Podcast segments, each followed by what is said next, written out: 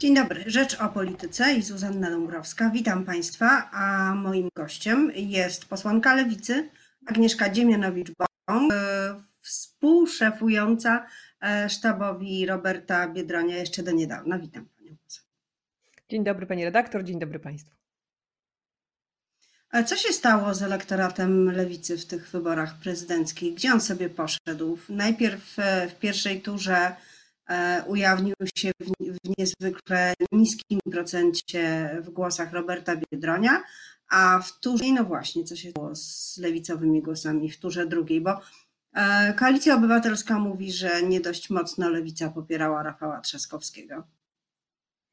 E, elektorat lewicy, który jest e, sporym elektoratem, co pokazały wybory parlamentarne e, jesienią ubiegłego roku, w znacznej mierze, i to jest jedno ze źródeł takiego, nie innego wyniku w pierwszej turze Roberta Biedronia, zdecydował się już w pierwszej turze poprzeć kandydata, który miał największe szanse na wejście do tury drugiej, czyli kandydata Platformy Obywatelskiej.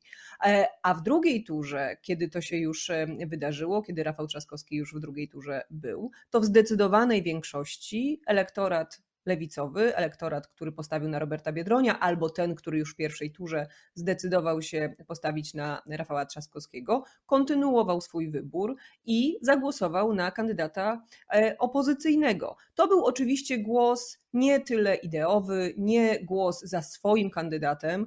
W znacznej mierze były to głosy przeciwko urzędującej władzy, przeciwko monowładzy Prawa i Sprawiedliwości i przeciwko Andrzejowi Dudzie jako prezydentowi, który w elektoracie lewicy jest oceniany jako jeden z najgorszych prezydentów III Rzeczpospolitej. Te sugestie ze strony Koalicji Obywatelskiej, jakoby e, gdzieś tutaj zabrakło wsparcia kandydatów z pierwszej tury, no w przypadku Roberta Biedronia są kompletnie chybione.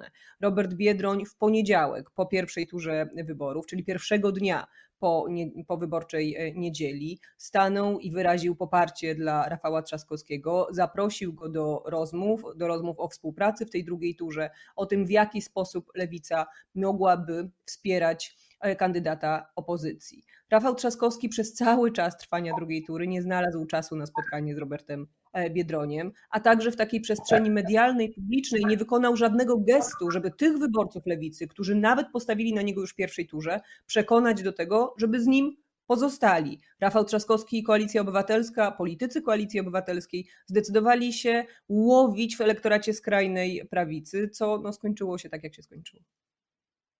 E, ale e, po tym rzeczywiście otwarciu ze strony Roberta Biedronia, E, cała lewica, e, inni posłowie, inni politycy e, zamilkli. Czego wy spodziewaliście się po tych rozmowach? Jakiej współpracy? Dlaczego tak wiele osób w mediach społecznościowych związanych z którąś z partii lewicowych, przede wszystkim z Razem czy, czy z Wiosną, pisało nie zagłosuję na nikogo, skreślę obu, nie idę na wybory? Pani redaktor, no ja osobiście napisałam publicznie w mediach społecznościowych i też wypowiadałam się tak e, w mediach, że zagłosuję przeciwko Andrzejowi Dudzie, co oczywiście było równoznaczne z oddaniem głosu na Rafała Trzaskowskiego. E, więc e, no, ciężko jest mi odpowiadać na takie zarzuty, bo większość polityków klubu parlamentarnego Lewicy jednoznacznie wyraziła poparcie dla kandydata opozycji, przede wszystkim będące sprzeciwem wobec urzędującego prezydenta. Zrobiliśmy to pomimo bardzo aroganckiego traktowania przez kandydata Platformy Obywatelskiej wyborców przede wszystkim e, lewicowych, bo tak jak powiedziałam, te umizgi do Konfederacji, do skrajnej prawicy sprawiały, że wśród moich wyborców i wyborczyń rodziły się takie wątpliwości, o co chodzi, jaka jest różnica między jednym a drugim kandydatem. Ale mimo wszystko, mimo tych wątpliwości, mimo tego rozczarowania i rozgoryczenia postawą kandydata Platformy Obywatelskiej, elektorat lewicy zdecydował się oddać na niego głos. Więc kiedy ja dzisiaj słyszę, takie oskarżenia pod adresem moich wyborczyń, moich wyborców, że niedostatecznie się zaangażowali, to myślę sobie, że komuś w sztabie y, Rafała Trzaskowskiego wszystko się poodwracało. To odpowiedzialnością kandydata startującego w wyborach jest zdobyć zaufanie i głosy wyborców, a nie obowiązkiem wyborców jest trwać przy kandydacie, choćby on robił wszystko wbrew ich woli i wbrew ich przekonaniom.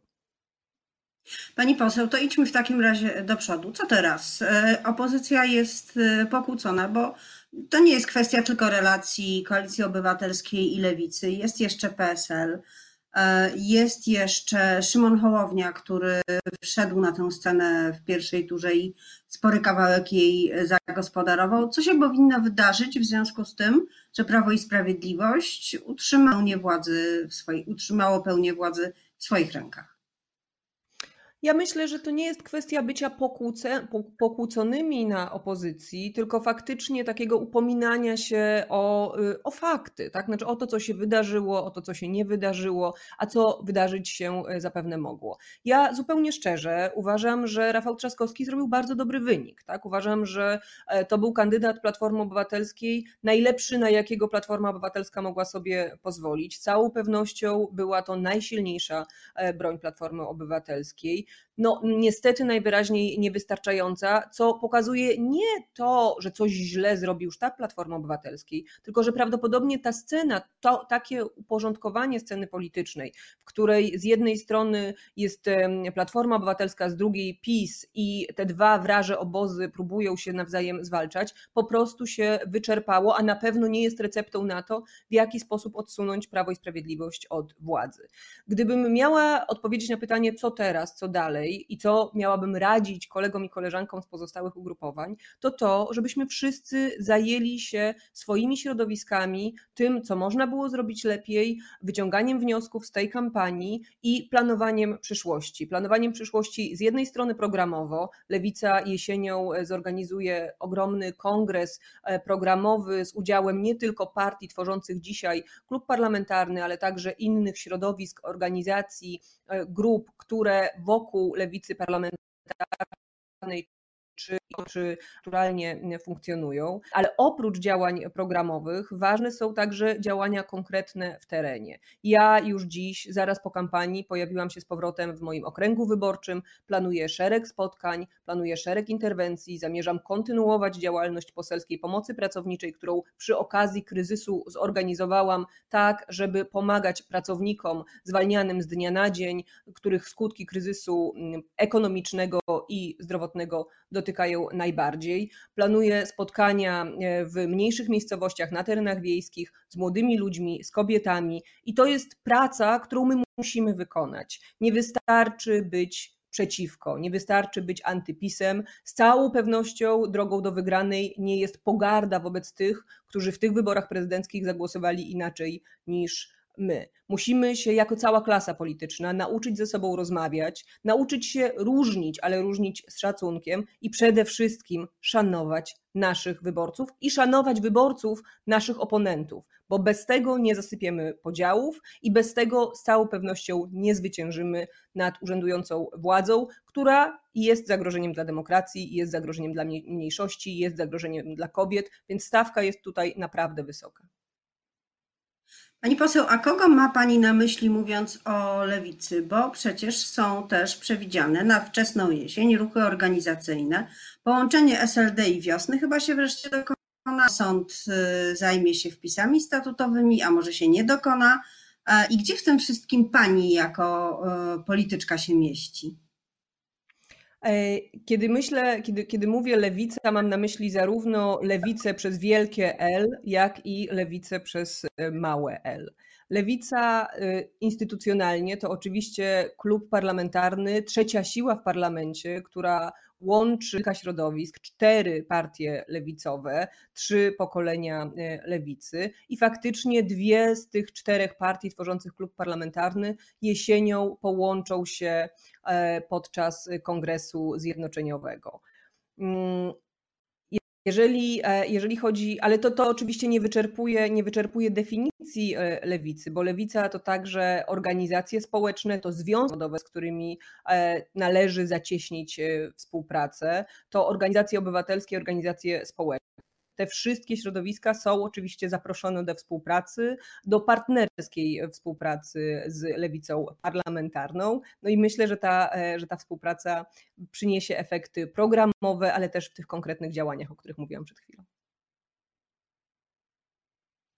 A jak pani ocenia początek e, nowego rozdania w Pałacu Prezydenckim? No myślę o tym, o tej nieszczęsnej rozmowie gratulacyjnej e, z rosyjskimi hakerami, youtuberami, performer, e, performerami, tak?